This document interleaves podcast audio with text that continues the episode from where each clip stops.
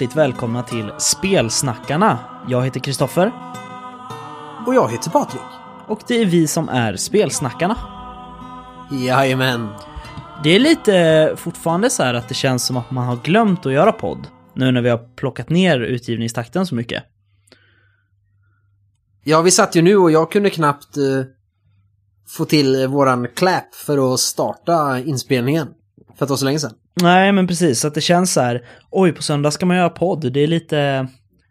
Ja, men det är lite nervöst. Det är så här, man har inte självförtroendet att bara sätta sig och bara göra det längre på något sätt. Jag vet inte varför. Nej, men det, det ställer ju vissa krav också. Jag har ju, nu har jag kollat upp nyheterna och försökt läsa på lite mer om det ämnet vi har valt, för jag har ju haft mera tid på mig. Så att jag tror, vad heter det? Man, det kanske inte blir lika spontant, men jag tror innehållet blir bättre även om man får mindre innehåll. Just det. Eller man ska säga. Det är som att köpa en hel skiva. Mm. Visst, du kan lyssna i 48 minuter. Men du vill ju bara höra de två singlarna som släpptes egentligen. Nu får ni singlarna istället, bara. Just det. Så att eh, två minuter bra innehåll i ett avsnitt på en timme, det, det är helt perfekt ratio. Ja, men nu är allt innehåll bra. För att det är bara singlarna som är varje avsnitt vi släpper. Just det. Just det. Då förstår jag hur du menar. Nej, men jag, jag eh, kör lite samma, för jag, vi pratade om det lite innan precis, att jag tror ju att från mitt håll kommer det här avsnittet eller ämnet bli mer så här, ja men lite filosofisk kartläggning snarare än, än fakta, liksom. Ja, det, det kommer inte bli som, utan att spoila, MUTANT-avsnittet vi gjorde, där vi egentligen gick igenom eh, från den första saken till den sista saken. Nej, Eller försökte i alla fall, utan nu blir det lite en annan take på det. Ja, verkligen. Eh, men vi ska ju börja i, i rätt ände. Och du som har så många nyheter, du kan ju få börja med att dra en då. Jajamän. Torsdag den 10 mars så eh, startar Fandrake en Kickstarter för Drakar och Demoner, berättelser från det största äventyret. Yeah. Och det de säger är att det är deras tredje och avslutande bok i serien om svenska rollspel. Oj. Vilket i och för sig är ganska rimligt, för att det är ju i princip äventyrsspel, för det var ju rollspel fram till 1990, ja 1990 typ, Mm. i stort. Eh, strax därefter och alla täcks ju till del, alla spelen finns det ju med några sidor om i deras första bok om äventyrsspel.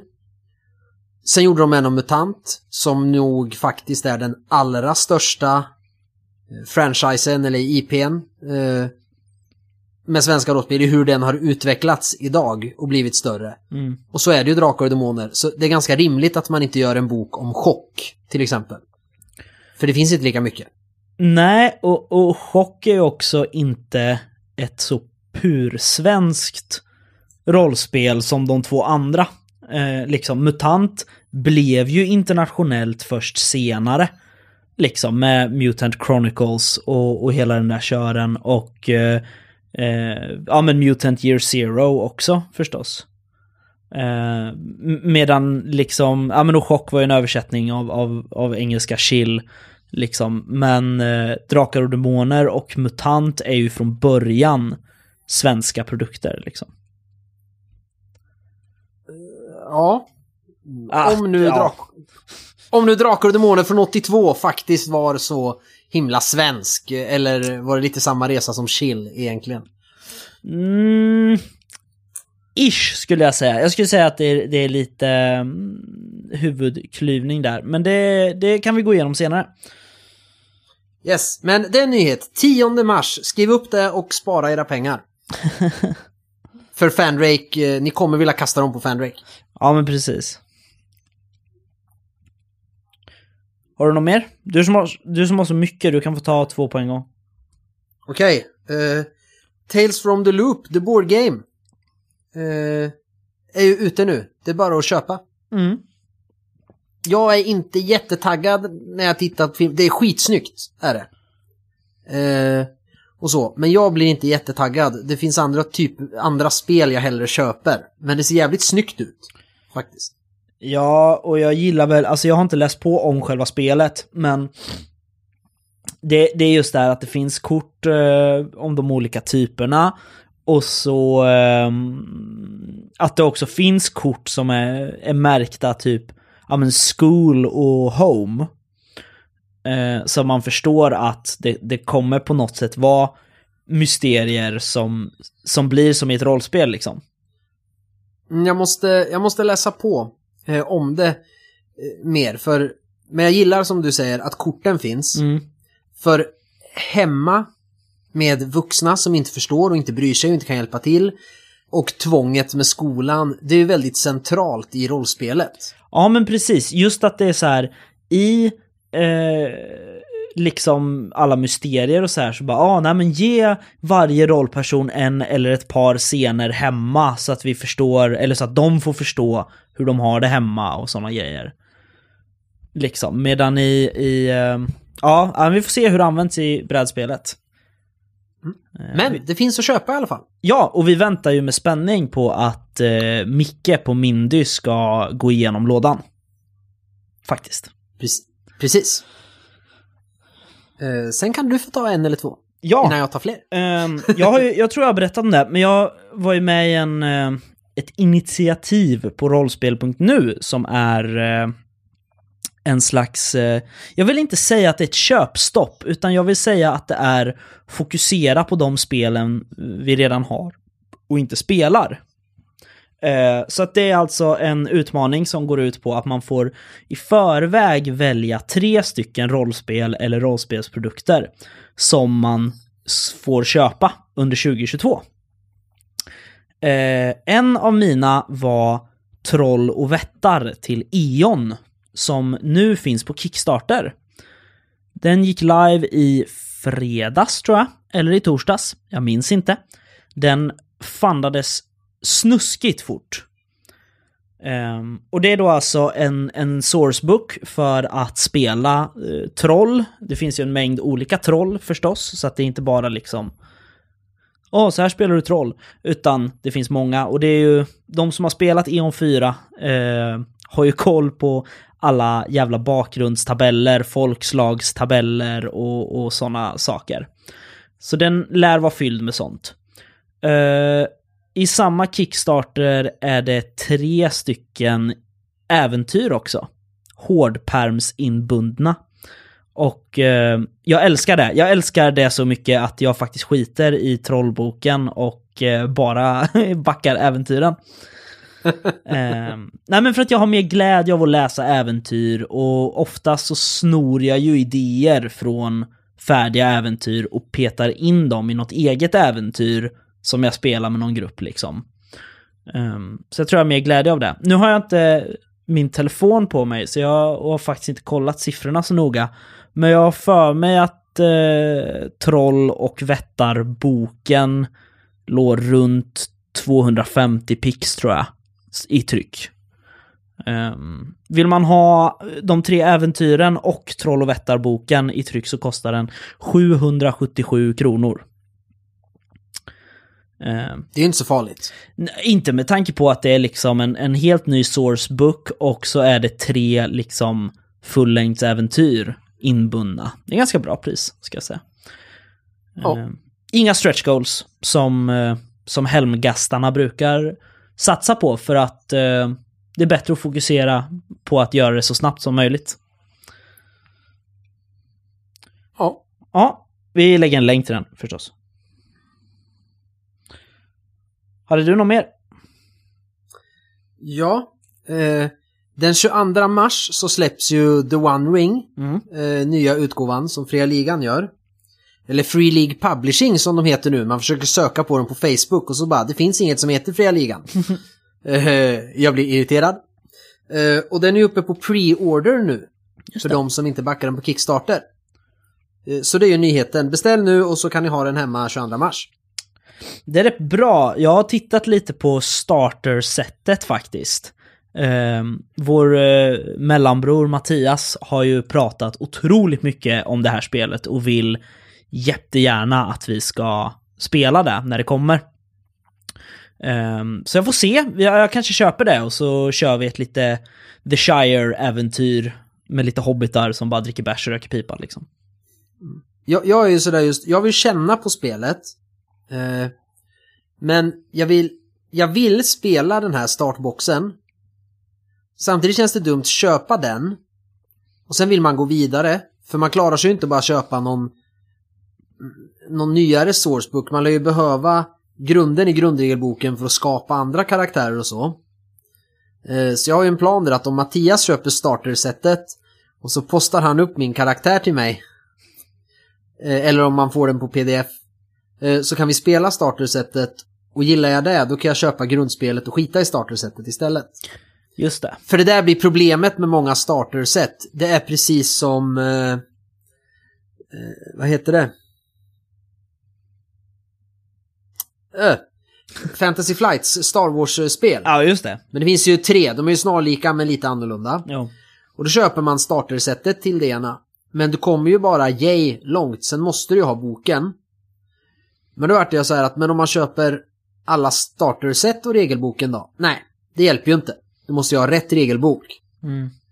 Eh, så jag tänkte att eh, om någon av oss köper eh, den här startboxen till One Ring så är jag jättesugen på att spela. Och då kanske jag köper riktiga spelet så att säga. Just det. Eh, vi får se. Vi kanske är så pass eh, glada i hågen att vi mejlar Fria Ligan och frågar om vi inte kan få ett uh, recension 6 och spela och prata om. Det kan man göra. för jag är lite, man är alltid lite orolig för engelska spel, att de inte dyker upp så mycket i svenska poddar. Eh, Men, men det är ju inte sant längre, för att nu har vi svenska poddar som spelar precis varenda rollspel som finns. typ. Typ. Sen har vi ju, jag fick ju ta två på raken. Ja. Så att nu kan man lägga late pledge på Mythical Britain and Ireland till eh, Nordiska väsen. Just det. Eller Väsen. Som, eh, Den heter Väsen heter den på engelska. ja. Precis. Ja men det lät roligare att försöka säga det på någon askass eh, försök till danska. Väsen. På danska. ja, ja. Eh, Ja. Nej men... Eh, eh, jag, har ju, jag har ju varit i, Halmstad och Ängelholm i veckan så jag pratar konstigt. Ja. Eh, nej men den kan man göra en late pledge på. Mm. Om man vill ha den. Yes. Jag är lite ledsen för att den är på engelska eftersom jag har spelet på svenska. Så därför har jag inte Mm, jag vet vi pratade om det sist, men vi säger det en gång till så att alla är med på det. Att eh, sourcebooken över eh, Storbritannien och Irland är på engelska. Men mysterieboken finns på engelska och på svenska. Vad det nu hette. Yes. Eh, seasons eh, någonting. Eller någonting of the season. Ja. Så Det den var, väl ett även, ja, det var ett äventyr i varje svensk årstid. Ja. Ska man väl säga. Precis. Europeisk. För, ja, precis. Eh, yes, hade du någon mer nyhet? Ja, eh, två stycken. Eh, varav den ena är ett tips. Den första är att Krank, Mikael Bergström, har annonsat Andromeda-boken till sagospelet Rymd som typ klar. Eh, vilket är ganska roligt för att jag gillar verkligen Universums öde-boken eh, till sagospelet Rymd. Alltså jag, den sitter jag och läser ibland bara sådär. Så jag bara, nej men nu, nu ska jag nog läsa på om dopiater igen, liksom. Eh, jag tar det kapitlet en gång till. För att det är bara så bra, det är så snyggt, det är så härligt, det fångar liksom känslan från universums öde-böckerna och sådär. Eh, så den är färdigskriven nu, typ. Han skulle kolla den en gång till. Sen ska eh, Daniel Leto få den och sen ska den gå till lite korrläsare. Jag, bland annat. Eh, och sen får vi se om det blir en Kickstarter eller om den bara ploppar ut. Det vet man aldrig. Eh, och så har jag ett tips också. Det här är ett ganska gammalt tips nu, men jag har glömt det de senaste tre avsnitten. Eh, så jag började lyssna någon gång för tre eller fyra månader sedan tror jag. Men eh, nu är det dags att nämna en podd som jag har börjat lyssna på. Eh, det är De övergivnas armé. norrbottnisk rollspelspodd när det är som bäst. Det, det är ju ett kul namn om man har läst på sin rollspelshistoria. Eh, men framförallt så är det en bra podd. Jag började lyssna på dem för att de spelar eh, Törnetrone-kampanjen till Symbarom. Och jag börjar misstänka att jag aldrig någonsin får spela den. Så jag har, börjat, jag har letat efter jättemånga poddar och det är många som har spelat Symbarom, men jag tycker inte någon har gjort det så bra att jag kan lyssna på hela äventyret liksom. Eh, det första då, Väktarens vrede. Eh, men de är roliga och eh, det, det är ju en av karaktärerna där har ju särdraget. Eh, särdrag i Symbarum är ju typ, ja men feats eller eh, talanger. Så. Eh, och det finns ju ett särdrag som är meta. Alltså som är, eh, det, det berör spelaren och rollpersonen. Liksom. Och det är ju då att allt som spelaren säger att hens rollperson gör, gör rollpersonen. Man får inte säga så här, ah, nej men det där sa jag out of game, det var ett skämt, utan säger man så här, ah, nej men jag slår den här lilla killen i, i facet och tar alla hans pengar. Då är det så här, ja, ah, då, då händer det liksom. du kan inte retconna någonting. Nej, precis, för liksom. att nej. du är impulsiv. Eh, och, och dels är det häftigt och jag tror aldrig jag har sett något, alltså en regel för, för liksom ett attribut eller talang eller feat eller whatever liksom, som faktiskt berör spelaren. Liksom. Allt handlar ju om rollpersonen, vad kan din rollperson? Men här är det du som faktiskt får lida för det som spelare. Och det är rätt coolt. Eh, och det blir ju väldigt roligt att en av rollpersonerna här eh, har det. Så De övergivnas armé. Lyssna in det om man vill ha en bra podd. Mm. Uh, nu är det jättelänge sedan så att jag tror inte vi kan ha spelat sen sist längre, utan jag tror att uh, vi får ha så här spelat överlag sen en tid tillbaks. Men du, jag har ju en nyhet till. Ja, har du en nyhet till? Förlåt, ta den. Ja. Uh, vi tipsade ju för ett tag sedan om den här entimmens scenarioutmaningen på mm. rollspel.nu. Och vi har en vinnare. Sötmans farliga lockelser. Sötmans eller Sötmans? S-Ö-T-mans. Ja, då är det Sötmans. Ja, spännande. Ja, jag, jag tänkte direkt på Bellman. Eller något sånt. ja. Eller eh, Fredmans epistel eller något sånt. Sötmans farliga lockelser. Ja. Eh, det som står i, nu höll jag på att säga pressmeddelandet, men eh, Facebook, eh, det är att av författaren till Dimmor och borgar. Och eh, om jag läser rätt i min bok och Kristoffer läser rätt i sin så är det ju Martin Höglund som har skrivit den. Mm. Men han blev inte namngiven som vinnare utan han som skrev Dimmer och borgar mm, okay. har vunnit entimmesutmaningen. Eh, men det finns eh, hela omröstningen och allting att läsa på rollspel.nu. Ja.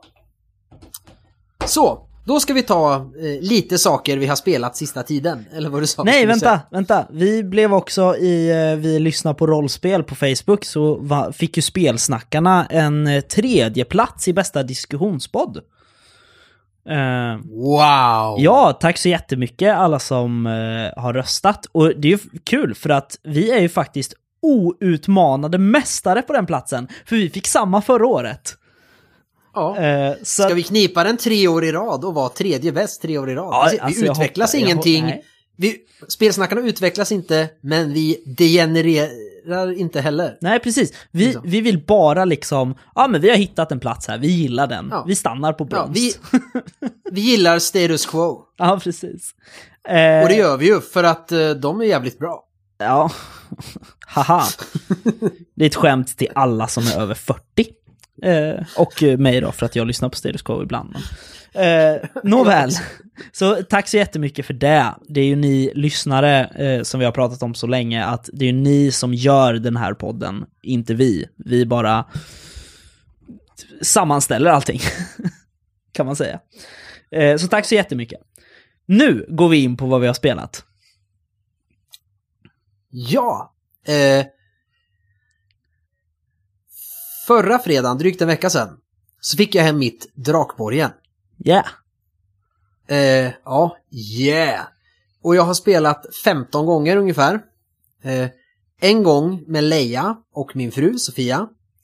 Eh, fyra gånger med Alva och Leia. Och sen så fort jag kommit hem från jobbet senaste veckan så har Leia bara, spela Drakborgen nu. och så har vi spelat Drakborgen. och eh, jag vet inte om jag är fel, om jag minns fel, men jag upplever att det är faktiskt lite större överlevnadschans än 15%. Varannan gång är det någon som överlever faktiskt. Hmm, Så det är lite för ofta man överlever. just det. Eh, men det är kul, alla har jättekul, barnen har kul. Eh, och jag har kul. Ja, toppen. Och sen har jag spelat, sen har jag spelat Star Wars D6 med Alva och Leia två gånger och med Leia fem, sex gånger. För innan Drakborgen kom så ville hon spela Star Wars D6 varje dag. Ja. Och nu, nu- är det jättekul för nu får barnen köra sten, sax, påse om vad de ska spela. Så bara, jag vill spela Drakborgen, jag vill spela Star Wars, jag vill spela Sagaspelet Äventyr idag. Och jag bara, okej, okej, det är lugnt, pappa kan offra sig och spela med er, men bestäm vad vi ska spela. Och då kom de på att vi kör sten, sax, påse om vem som får välja spel. Så jag har det ganska bra i mitt spelliv just nu. ja, det kan jag tänka mig. Eh, sen har jag spelet också, men det kommer Kristoffer till. Mm, ska jag ta det. Ehm, ja, eh, jag kan börja med det du har spelat då. Eh, vi, vi har ju börjat köra troubleshooters nu. Eh, Jajamän. och eh, vi spelar Patriks eh, mysterium, heter det mysterium till, till det? Troubleshooters. Heter det inte mystery? Whatever. Jag har för Jo, det. jag tror det. Ja. Ja. Eller scenario, skitsamma. Ett äventyr som eh, heter eh, Shivas öga. Eh, det är kul. Vi, storymässigt är vi ute på kryssning. Och det är lite Poirot så. Det är lite så här, everyone is a suspect. Vi vet inte riktigt egentligen varför, eller vad. Alltså de har snott en grej, men det är så här, jag är inte personligt engagerad i det. Men det, det är kul, det är så här, jag märkte ju det att, att när man har läst regelboken, det, det första som hände, det var ju att jag la på en fransk eh, ful brytning, liksom. Um, så att det är så här, eh, än så länge så är ju det här spelet vad det utger sig för att vara eftersom det är ett fransk-belgisk comic-spel. Eh, om jag börjar prata franska, liksom. Ehm, då måste det ju vara rätt. Nej men annars är det så här, inte så mycket att säga om troubleshooters just nu. Vi, vi lär prata om det mer i framtiden, för vi är inte nöjda än. Eh, och så när det kommer nya grejer kommer vi prata om dem och så. Men Ja. eh, det, det, det är det där bra BRP som Helmgast har. Ja. liksom. Nej men det, det är det, vi, vi funderade ju ett tag, om vi, eller ja, om vi skulle prata troubleshooters nu och verkligen recensera det. Mm. För vi har ju bara pratat om det. Men nu har ni upplevt en aspekt av det. Och jag vill köra lite till. För, för att se. Men, men spontant, eh, sen beror det mycket på mitt äventyr men är det det man som står i boken och lyckas jag förmedla som du trodde det skulle vara när du läser boken och andra äventyr? Alltså, ja, alltså... På ett sätt, alltså det är ju så här, spelet är ju det det är, som sagt. Det, det är ett bra BRP-system i, i grunden liksom, som är lätthanterligt och en överskådlig lista med färdigheter och eh, så fort jag hade suttit en stund själv och eh, gjort egna kort för, eh, för eh, abilities så eh, vart det ju mycket lättare för att de där jävla listorna orkar man inte med. Det, det är en, en eh, negativ aspekt med boken så. Men annars är det så här, ja, det...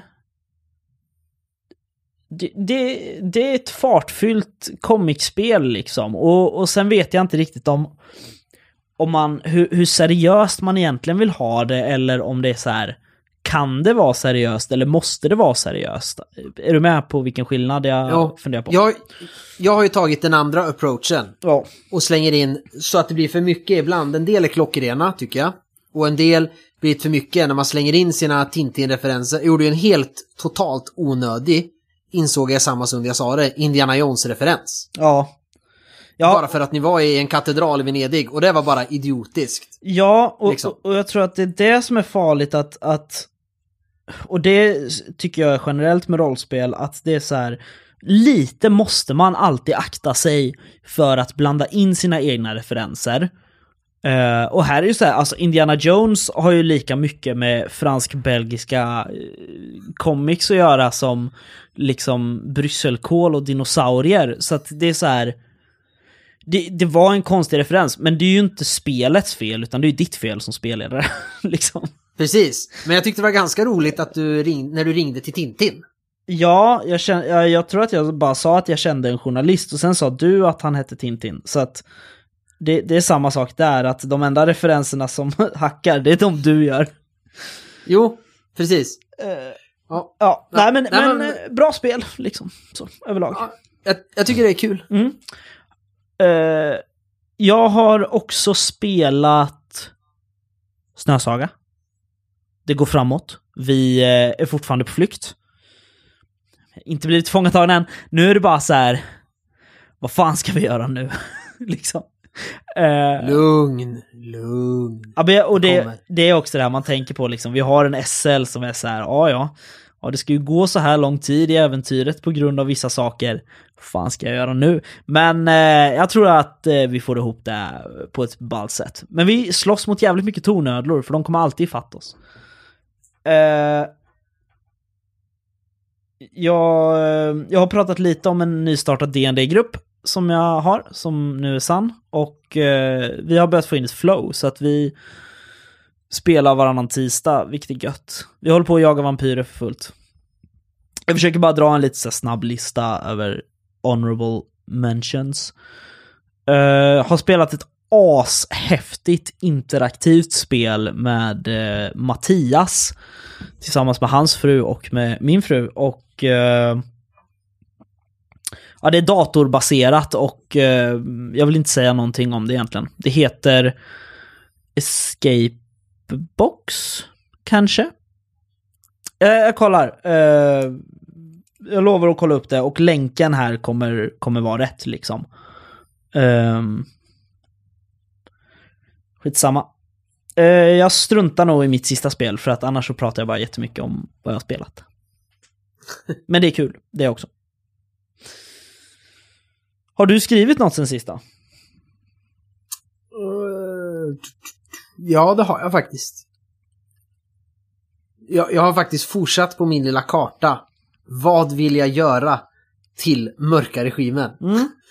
Tyvärr harkar jag också in på om jag skulle göra Mörka Regimen 2.0 och skriva om hela spelet, hur skulle jag skriva då? Just det.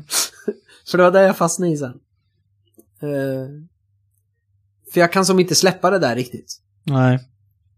Eh, för det är så mycket grejer jag skulle vilja göra. Och som vi har tänkt att göra någon gång. Ja. När vi var som mest inne i det.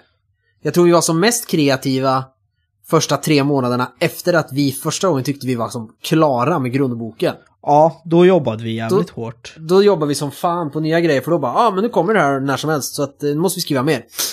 och sen har vi inte hänt något. Nej.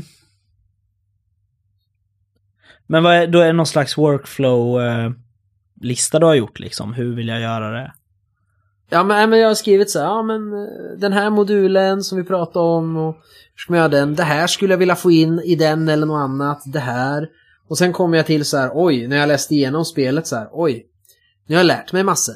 Om jag skulle göra om det här och släppa en second edition, hur hade jag gjort annorlunda? Ja men det här hade jag nog ändrat, det här hade jag nog ändrat. Mm. Uh, men jag tänker ändå inte göra det. Nu. Liksom. För nu... Nu ska jag bara stilla och få ut den där jädra boken någon gång först. ja. Så att jag, men så vi har gjort det. Ja. Jag tänker inte skriva om den. Utan någon gång händer det. Ja, den, den ska ju bara... Den ligger ju på, på uh, silikonplattan liksom och uh, ska bara limmas ihop i princip. Uh, ja, så att det, den ska ju bara göras färdig helt enkelt. Precis. Har du skrivit på något mer? Inget spelrelaterat? Nej. Har du skrivit något? Ja, det har jag gjort. Två saker. Uh, jag kanske nämnde det sist, för jag kanske hade börjat, jag minns inte. Men jag har börjat på ett äventyr till universums öde. I alla fall, sagospelet Rymd, så uh, Ja, det är coolt. Det är tidsresor och galaxer och uh, elaka maskiner och datavirus och elaka sigmavakter som sig bör i universums öde. Helt enkelt. Eh, den blir ganska cool. Eh, det är bara den tråkiga biten kvar som jag inte gillar att göra. Att eh, skriva stats och sånt. Jag hatar det. Ehm, sist så, de, de senaste två gångerna jag har skrivit åt någonting så har jag lämnat över det på um, spelskaparna helt och hållet. Uh, faktiskt. För att jag gillar inte att uh, skriva dem. Det tar tid. Uh, jag har också börjat skriva på en ganska cool pryl, men eftersom det är en spoiler för en annan cool pryl så tänker jag inte säga någonting om det. Men det är häftigt i alla fall. Vet du Då en sak? så. Jag, jag har inte skrivit stats för en enda SLP i Shivas öga. Det finns inga. Nej. Äh, det är väl lugnt. Det finns ju färdiga också i, eh, i boken om man vill ha. Ja men det, det är de jag använder när det är så här, ja. men nu borde jag faktiskt kolla, ja men om det är någon så här, vad ska man säga, social färdighet, man försöker bluffa någon eller sådär. Mm. Då, då kollar jag ju på någon bara, ja men här verkar vara en kille som är uh, typ samma men, typ av människa som den här killen, de borde vara lika bra. Och så får jag ett värde. Ja, Eller- men eller- precis. Eller så utgår man från 50% och lägger till eller drar ifrån i steg om 10 beroende på hur duktiga de borde vara. Ja. Ja, när jag, jag kommer ihåg när jag skrev... Eh, nu är det länge sedan, det är två år sedan nu. Hoppas att boken kommer snart. Eh, när jag skrev eh, Trimalchio till eh, Leviathan.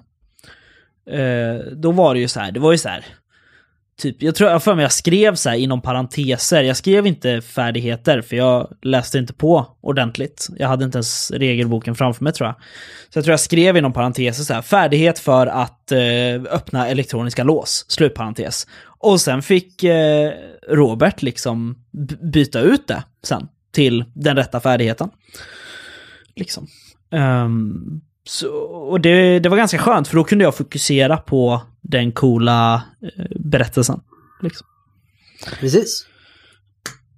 Ska vi plocka in The Man of the Hour? Ja, Eller The Creatures of the Hour? eller the stuff. Ja, precis. Eh, så här, vi har pratat om Riot Minds Drakar och Demoner-utgivning i detalj. Vi har pratat med Thomas Härenstam om Drakar och Demoners framtid. Men nu behöver vi faktiskt ta och limma ihop Drakar och Demoner. Och på något sätt se vad är det som är Drakar och Demoner. Men när vi har då Drakar och Demoner som spannar från jättelångt tillbaks i tiden till eh, nu. Då är det liksom... Vad, vad är Drakar och Demoner? Vi pratar... Det har varit mycket snack sen Riot Minds eh, köpte IP så har det varit mycket snack om vems är Drakar och Demoner. Men eh, det här är mer så här, vad är det egentligen? Är Drakar och Demoner bara varumärket Drakar och Demoner? Eller är Drakar och Demoner fler saker? Och vilka då? Och vem är det som bestämmer? Alltså är du med på mitt perspektiv? Ja. Men vi ska börja i rätt ända. Ja. Vad är det som händer? Eh, 1982 Mm. så ger eh, het, Tamb Äventyrsspel eh, ger ut eh, Drakar och Demoner som ju är Kausiums BRP-regler med det inarbetade Magic World-häftet.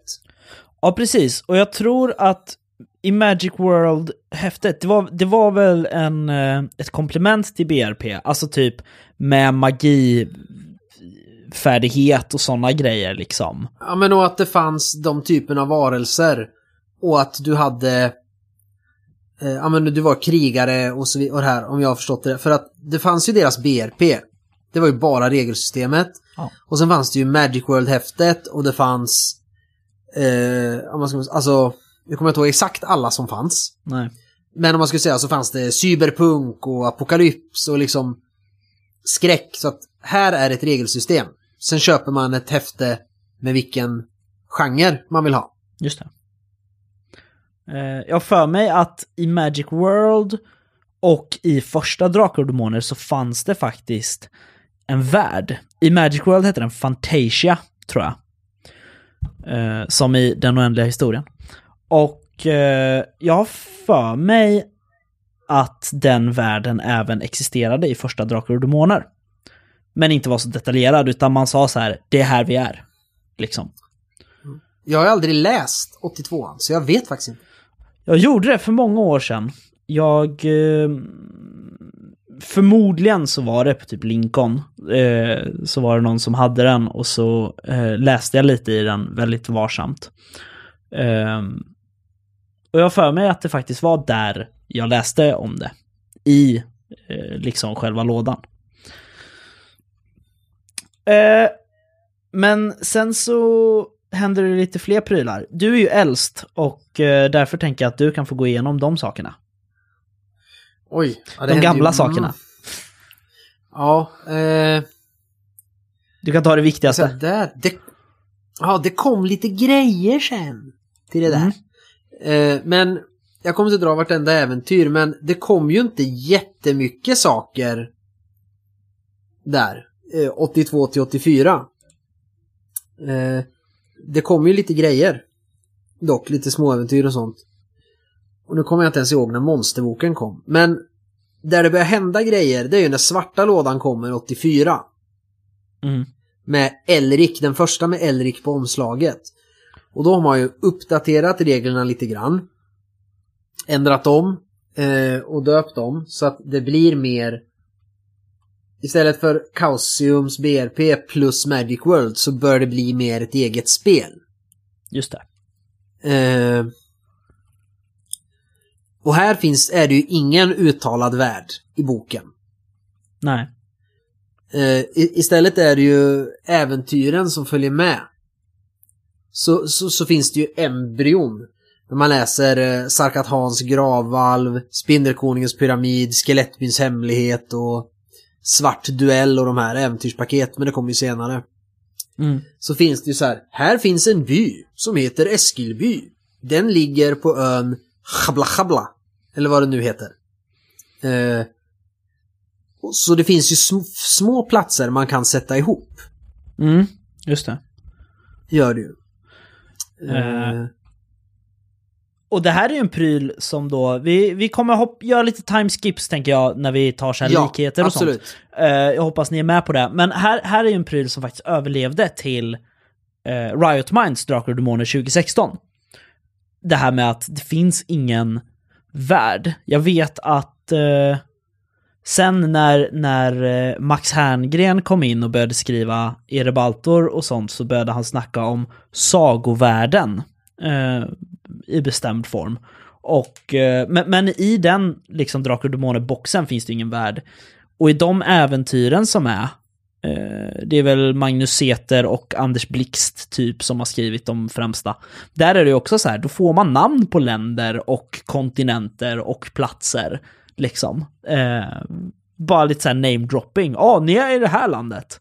Och det tycker jag är häftigt att det faktiskt kom tillbaks sen. Ja, eh, till skillnad mot vissa andra spel. Om man, ja men Dungeons and Dragons, eh, det är ju en fantastisk grej med det.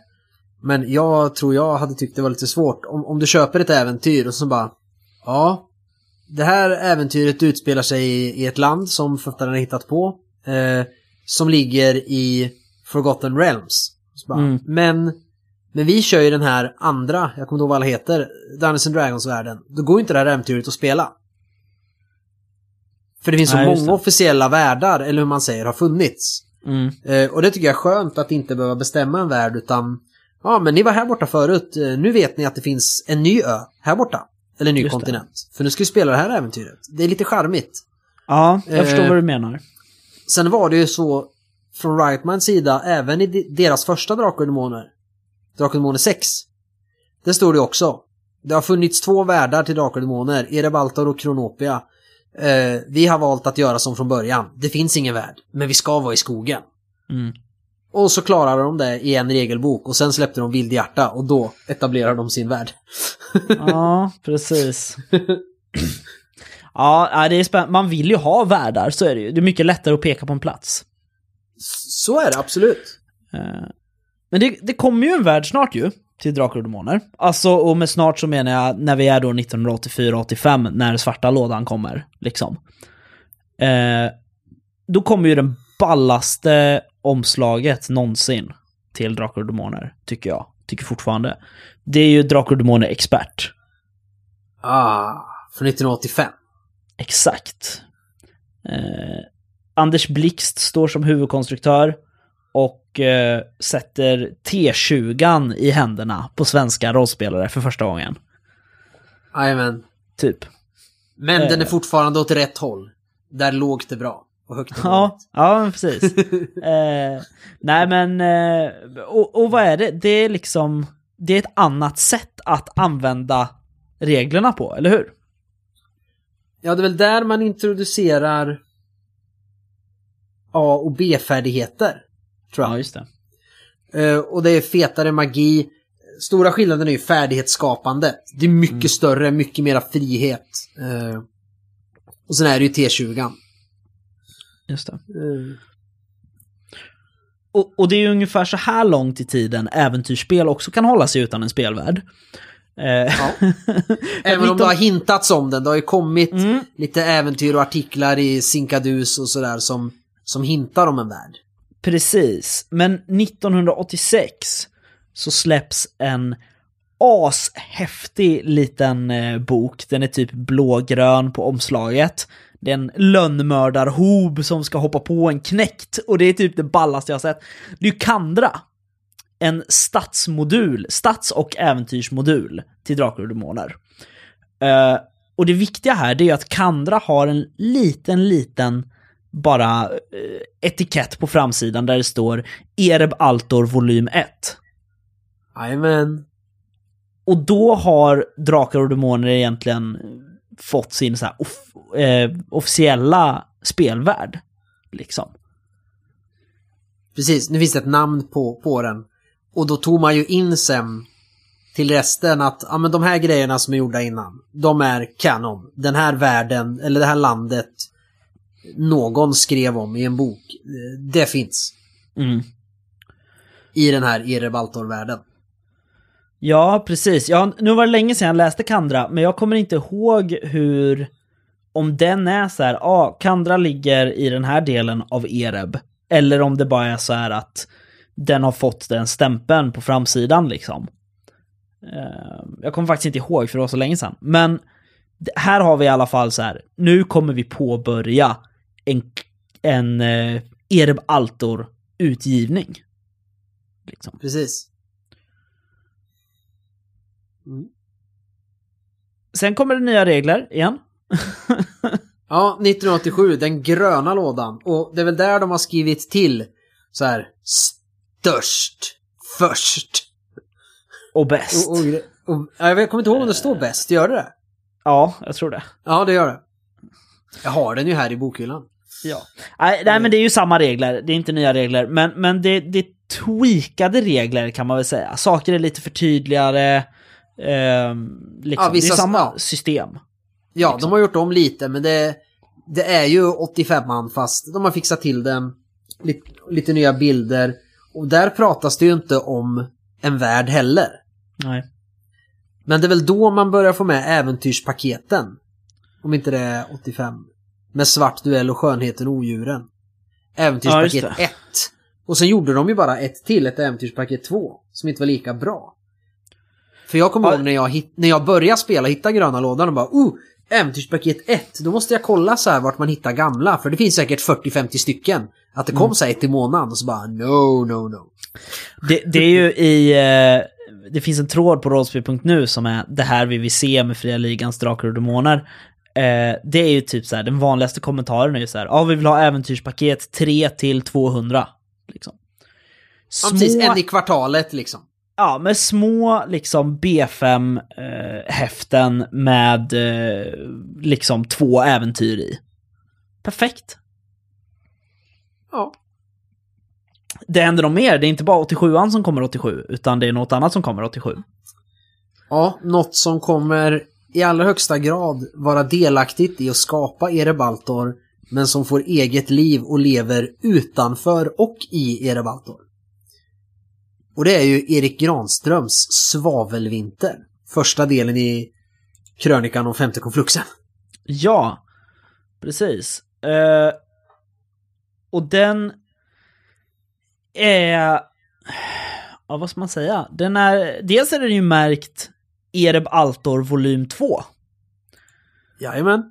Eh, vilket är cool för att då förstår man verkligen att okej okay, nu börjar det verkligen Ereb Altor är på gång. Det är någonting som kommer hända. Liksom. Varje produkt kommer vara en volym av Ereb Altor.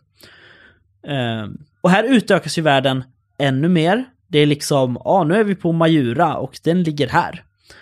Eh, den ligger jättelångt i norr från allting annat. Precis. Liksom. Eh, Svavelvinter har ju också ett jättearv efter sig. Dels så eh, hela den här prylen med att liksom bygga upp sina äventyr med flera deläventyr eh, är ju bag fortfarande. Det är många som kör på den strukturen. Finns liksom. det någon som inte gör det? Höll jag på att säga. Ja, alltså Svavelvinter är ju i princip fyra olika dungeon crawls. Eh, kan man säga. Och så ah, finns det, ah. det finns en introduktion, sen är det fyra dungeon crawls och sen är det en slutscen. I princip, ah. skulle jag säga. Eh, och jag tror att mycket annat så här, alltså om man snackar så OSR-spel, då har jag fått känslan av att det är så här dungeon crawls som dominerar. Liksom. Medan eh, det svenska Drakar och Demoner-rollspelandet bortom det har, har blivit ännu större. Det är ett mer fritt skapande på något sätt. Ja. Eh, men det har ju också så här blivit en helt egen värld sen om vi är inne på världar, liksom, för att Svavelvinter blev Svavelvinter-romanen. Som sen blev Svavelvinter-rollspelet, liksom. Och nu kommer jag inte ihåg vad... Argond heter den va? I, um, i Svavelvinter. Ja, I romanerna. I rom ja, i romanerna. Precis. Så att Trakorian och Majura som fanns i... Uh, i eh, Erebaltor är nu liksom en helt, en helt egen värld som är mycket större.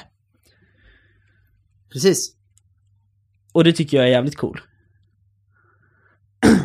eh, och det fortsätter ju komma prylar till Erebaltor fram till 89. Då kommer det en box när man har lagt ihop alla de här prylarna. Liksom, det här är Erebaltor. Här är den stora kartan och här är alla länder. Eh, Ja, och året efter Erebaltor-boxen så kommer ju Erebaltor-boken också. Eh, vilket är typ de fyra häftena i boxen bara sammansvetsade ju. Frågan är om det var för att eh, det var billigare än att göra en box och den var slut, eller man bara gjorde det ändå. Jag vet faktiskt inte. Eh, boxar verkar ju... Alltså det är klart, det är fler komponenter liksom. Så jag kan tänka mig att göra en bok är billigare än att göra fyra böcker och en box. Säkert. Eh, vad hände sen då, Drakar och Demoner? Uh, plupp, plupp, plupp. Ja, det kommer ju massa grejer. Mm. Uh, äventyr. Uh, framförallt kom, börjar de släppa de här äventyren som är... Eller kampanjerna som är flera äventyr. Nidländska reningen, fast kanske senare, men eh, Döda skogen, Maktens portar, eh, I ärans väg då. Mm. Och sådär. Det kommer ju Barbia, Torshem, Marskland, olika moduler. Som är mer än ett äventyr, utan som beskriver en del av Ereb och så är det ofta ett äventyr. Eller en kampanj. Mm. Eh, sen är nästa stora grej 1991 när man släpper en ny grundbox. Och T20 blir grunden. För även om expert kom 85 så hade ju gröna lådan från 87 fortfarande T100 som grund. Eh, och ville man köra expert körde man med T20. Men 1991 så blir ju T20 grunden i, så att säga grundreglerna också. Just det. Eh, helt enkelt. Eh, och så inkorporerar man delar, delar av expert är ju inbyggda i Drakar och Demoner 1991. Eh, fast det, det, är lite annorlunda med hur man blir bättre och färdighetsskapandet och sånt. Men det är en blandning mellan 87-reglerna och eh, Drakar och Demoner expert plus lite nytt. Mm. Helt enkelt. Just det. Och det är där det råder ju delade meningar men de flesta när man frågar sig vilket är det bästa Drakar och Demoner Mm. så brukar ungefär hälften säger expert och hälften säger Drakar och Demoner 1991. Så jag får det till att det är T20 folk gillar. Just det. Ja, ja, det ligger något i. Om det är de två som folk gillar mest. Då... Sen kanske det inte är T20 man gillar mest. Det kanske är något annat. Så kan det vara. Men T20 när det införs, den gör ju en grej. Framförallt blir det tydligt skrivet i 91. Mm. Även om det funkade i expert också. Och det är just det här att du kan slå ett smidighetsslag. Till exempel ett styrkeslag. Ett grundegenskapsslag helt enkelt. Och du slår det ju med en T20, samma tärning som du använder till dina färdigheter. Så de blir helt plötsligt översättningsbara. Jaha, du har inte klättra och hoppa. Nej men slå smidighet då. Ja men det har jag faktiskt 17 i. Så att eh, det spelar, och, och det är både bra och dåligt. Det gör ju att man kan göra väldigt mycket saker. Samtidigt, varför ska tjuven som har 19 i smidighet lägga massa färdighetspoäng på att köpa eh, akrobatik? Ja, nej, 15. precis. Eh, så att det är ju både bra och dåligt liksom. Eller bra och dåligt. Ja, Ja. för och nackdelar. Ja, ja. Så. Eh, 95 händer det ju ett uh, världsskifte. Typ. Ja. Fast ändå inte. Eh, vi får Kronopia. Det, ja.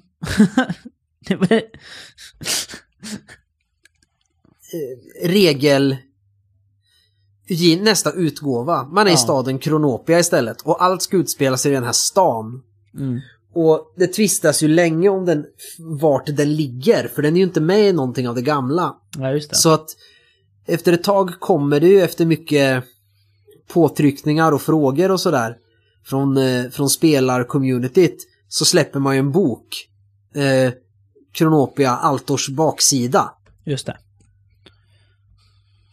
Jag kommer ihåg omslaget men och då är det ju så att eh, Kronopia ligger också i Altor men på motsatt sida om Ereb. Mm, Så på andra sidan klotet. Så just säga. det. Där ligger Kronopia.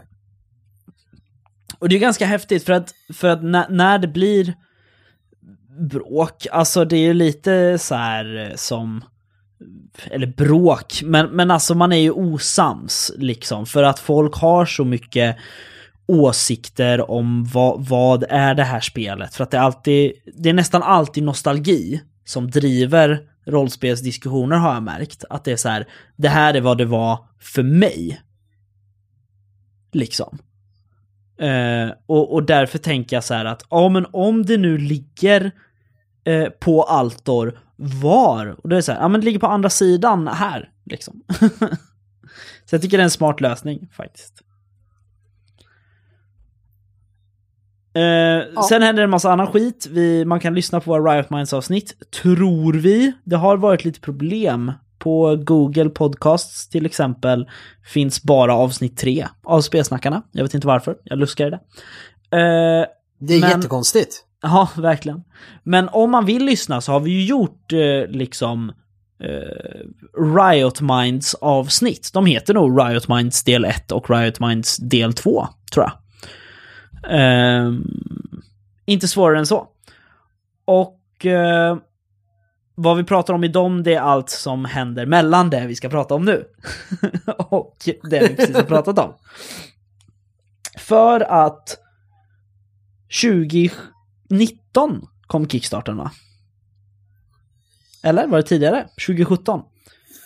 Skitsamma. Ja, I don't know helt plötsligt så kommer mitt under Riot Minds nysatsning av Drakar och Demoner, Ereb Altor, monsterböcker, eh, så kommer ju Kopparhavets hjältar.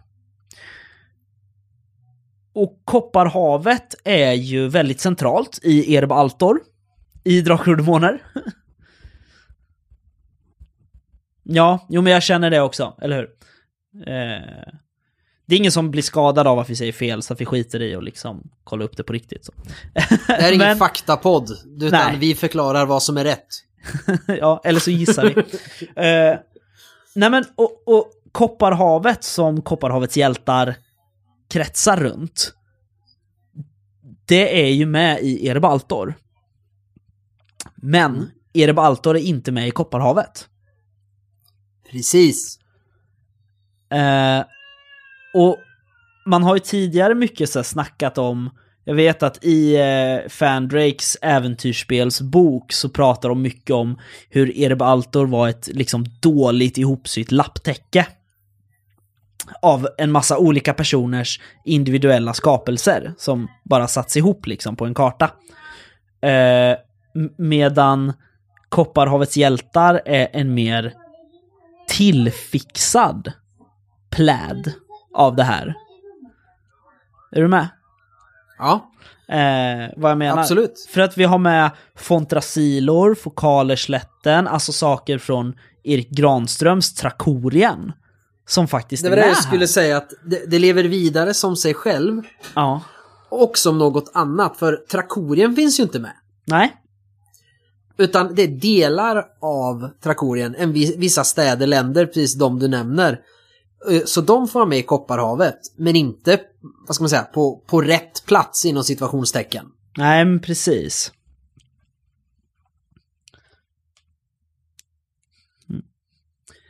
Ja, eh, och, och världen i Kopparhavets hjältar, den heter ju Atos. Eller Atos. Eh, liksom, det är inte så långt från vare sig Altor eller Argond, men så att det är liksom, de är verkligen och nosar på Ereb Altor, det riktiga Ereb Altor. Uh, och Kaddo och... Uh,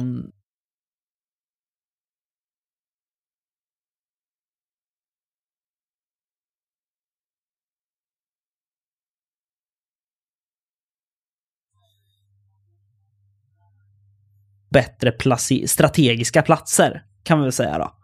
Det, det, var som en, eh, vad heter det? Som en mycket känd och inflytelserik podd sa när det kom. Samtidigt som eh, Riot Mind släppte sin Erebaltor Kaldarox-box.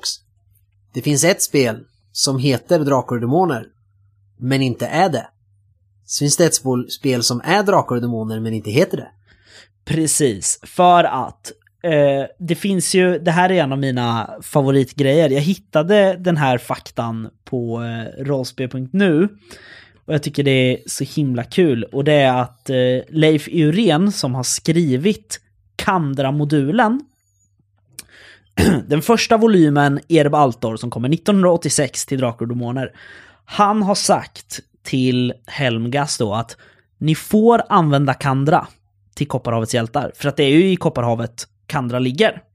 Men bara om det går regelmässigt att lägga Kandra-modulen rakt på. Jag behöver inte ändra någonting, jag kan spela med den rakt av. Ja, men absolut, så kommer reglerna se ut, säger de. Och så kör de på det. Och det om någonting säger ju att Kopparhavets hjältar verkligen är Erbaltor Baltor. Ja det är liksom e, en pusselbit som passar så väl kan inte ha hamnat i fel pussel. Liksom. Nej. Eh, ja, och det, de är på gång nu. Det kommer ju en Kriloan-bok till, eh, till eh, Kopparhavets hjältar ju. Kaparen från Kriloan ska den heta va? Tror jag. Jag tror det. Vad hette mm. den första? Kriloan Äventyrens stad va? Eller något sånt. Eh, ja, till Drakar och Demoner. Ja, det hette den, den första säkert. Kriloan-boken. säkert. Eh, men det där är ju intressant nu när Fria Ligan ska göra Drakar och Demoner. Exakt. Att kommer... dem att fråga och vad kommer de tycka då? Leif till exempel, så här, ja, ja men okej, ni får också ha med Kandra. I eran om ni vill. Men då måste det ha exakt samma förutsättningar. Ja, jo. Eller kommer de göra eget? Eller kommer de... Vi vet ju att eh, de kommer använda lite andra gamla äventyr. Mm. Eller, eh, och, och grejer från gamla skribenter. Men... Eh, jag tror det kan bli bra. Ja, men det är bara det att, att ehm, Fria Ligan riskerar ju att förstöra Kopparhavets hjältar, tror jag. Alltså jag, jag har jättestor tilltro till dem som spelkonstruktörer och sådär, men när Kopparhavets hjältar har klivit in och med Helmgasts bra BRP visat att ja, vi kan göra Drakar och Demoner än de som gör Drakar och Demoner då kommer Fria Ligan och ska på något sätt bara, ja, det kan ni säkert, men vi tänker också göra Drakar och Demoner. Eh, så jag är lite rädd att de kommer förstöra uh, Kopparhavets hjältar. Att det kommer bli liksom ett, ett för bra Drakar och Demoner jämfört med Riot Minds 2016. Är, du- förstår du hur jag tänker? Ja, men jag tror ändå inte de konkurrerar. Eh, för det är just som vi pratade om, vad är det som gör det till Drakar och Demoner? Ja, precis. Kopparhavet är Kopparhavet för de, Mm. Kopparhavets hjältar, för de har Kopparhavet och allt det här. Fria Ligan kan göra en helt annan grej, men samma känsla. För för mig är Drakar och Demoner en känsla. Det finns Kopparhavets hjältar, för de som vill spela på de här platserna. Det är så jag känner när jag läser Kopparhavets hjältar. Det är när jag vill spela ett äventyr som utspelar sig i Kandra. Eh, till exempel. Eh, eller om jag vill eh, någon annan plats. Mm. Men när vi ska spela färdigt konfluxviten då kanske jag lika gärna kan ta Fria Ligans för då vill jag ju ha Trakorien som Trakorien är när vi ska spela klart. Så slänger jag ju bara ut Trakorien. Ja, nu är ni i Trakorien. Liksom. Eh, så att... eh, Och det är det jag tror, så jag, hopp, jag tror inte de konkurrerar om Riot Minds inte gör en officiell värld och det kommer du inte göra till att börja med. Fria Ligan. Fria Ligan, förlåt, Fria Ligan. Det är så många som har ägt det där IPet nu. Eh, och så, och så kommer, det är alldeles för och så- många som gör Drakar ja, och Demoner. Och så kommer Helmgast med Kopparhavet då. Men för det är för mig som är Drakar och Demoner. Mm. Det är just det där. För så såg mina kampanjvärldar ut. Jag skrev ett äventyr, hittade på en stad, kanske ett land. Och sen när jag skrev nästa, eh, så här och vi spelade, ja men då var jag tvungen att lägga de här länderna bredvid varandra. Och så växte det ju fram en värld, som det här lapptäcket. Lite grann. Just det. Och det är det som är den, alltså Drakar och Demoner för mig är en känsla. Det är inte ett visst regelsystem eller att det ska vara på en viss plats utan det är alltihop. Det ska vara BRP som är lätt att sätta sig in i. Du ska inte behöva läsa nästa utgåva bara okej de här färdigheterna finns, det verkar vara T100 i den här. Nu kör vi och resten det löser sig. Och det ska finnas ankor och orcher och de här klassiska. Ja. Eh, och du kan vara krigare och munk. Och munken kan bara ha en trästav och en slunga för han har det liksom. Eh, och så finns det ingen värld utan vi gör den själva. Och jag kan plocka upp vilket äventyr som helst utan att bekymra mig att det ska passa i världen. Och vad vi gjorde i förra äventyret. För det är inte relevant, för nu är vi här. Mm. Och det är krångligt att alla ska prata hundra språk. Så att det finns bara ett språk. Och så finns det svartiska. Just det. den känslan på något sätt. Och det är därför jag säger det att på många sätt var Riot Minds Drakar och Demoner 2016 dåligt. Det kan jag hålla med om och det är obalanserat här och var. Men hej, det var ju Drakar och Demoner 84 också. Försök inte säga något annat om att det var perfekt balanserat, för det var det inte. Nej. Eh, men det är mycket jag inte gillar med Riot Minds version. Men när jag spelar det och spelar ett äventyr så får jag samma känsla.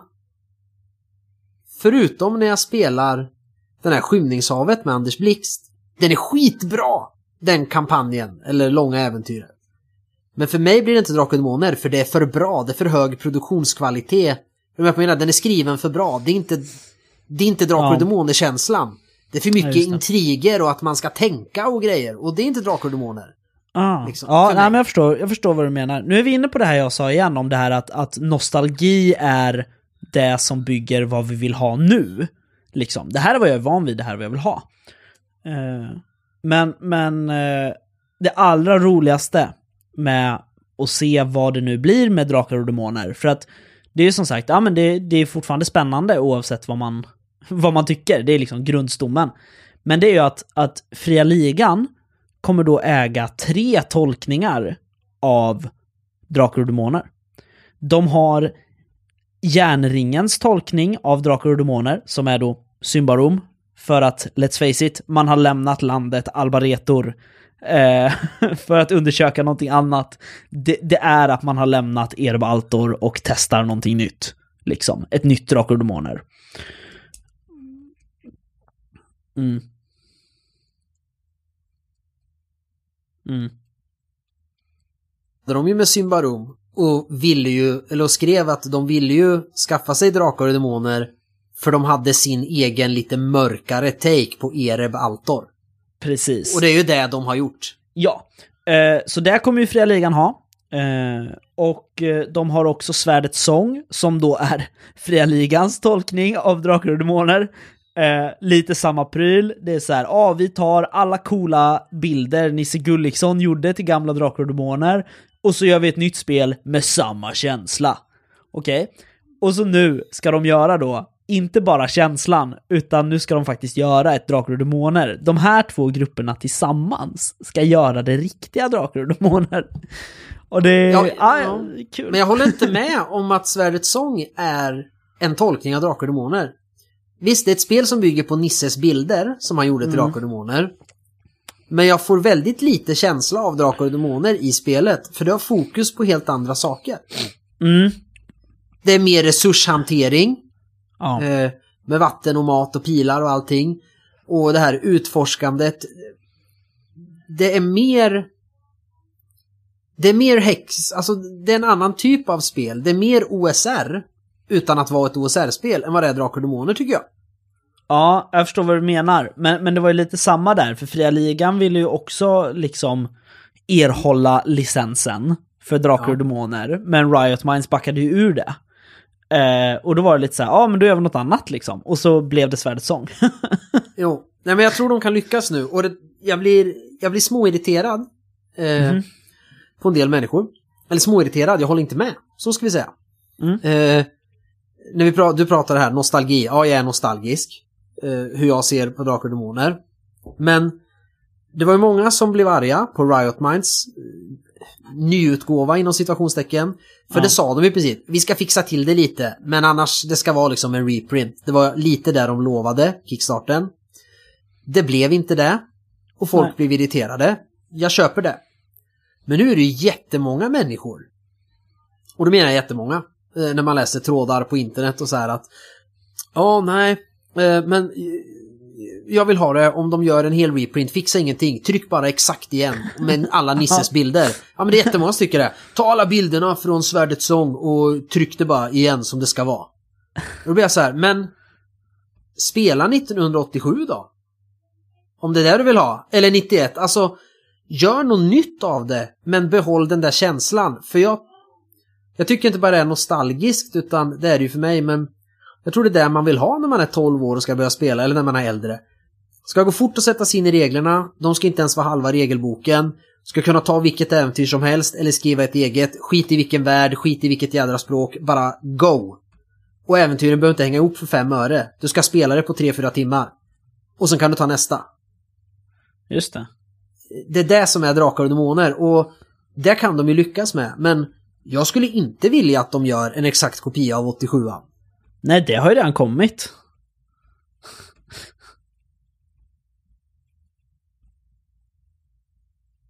Mm. Det är en helt annan sak man kritiserar då liksom.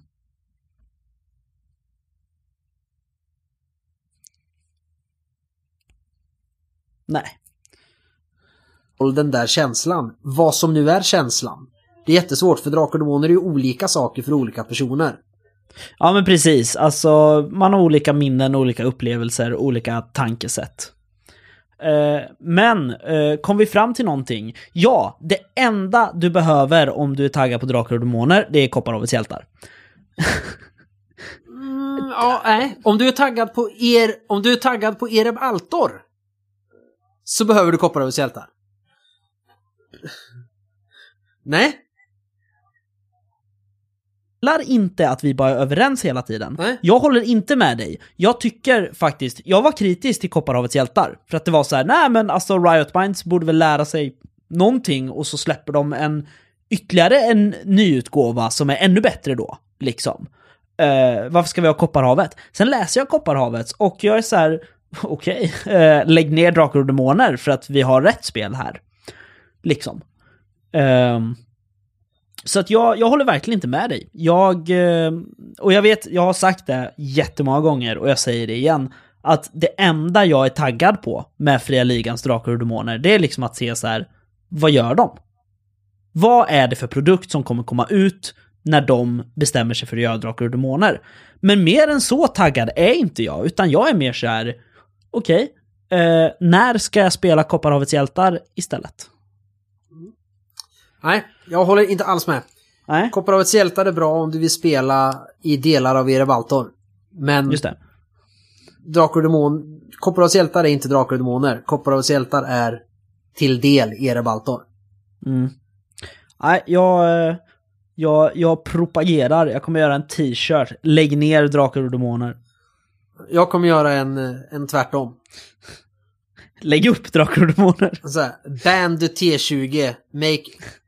Make old school BRP, äh, make old school BRP great again. Eh, Alltså jag gillar Hemgas BRP. Fast det är ju inte riktig BRP. Nej, det är bra BRP som är lätt att använda. Ja, ja jo, men, men det är ju inte riktig BRP. Nej, Nej det, det är ju inte Kausiums BRP rakt av, utan det är Helmgasts BRP. En tolkning av BRP. Men nu kommer det ju Eh. nästan ett till också då. När Eloso gör svenska översättning av RuneQuest. Exakt, fan. Det var, det var så här, ett tag, ett tag på svenska marknaden innan Fria Ligan steppade in, då var det verkligen så här, du kunde bara hitta fantasyspel på svenska. Det fanns inga andra svenska rollspel. Och så nu bara... Eh, eller nej, jo. Nej, jag tänkte tvärtom. Jag menar att det finns alldeles för många olika spel, liksom. Och så nu Ja. bara, nej nu är det bara fantasy som gäller. Ta bort allt annat, vi vill bara ha fantasy och expert Nova. Precis. Ehm, men eftersom vi inte är överens så tänker jag att vi, vi avslutar medan vi är på topp. Jajamän.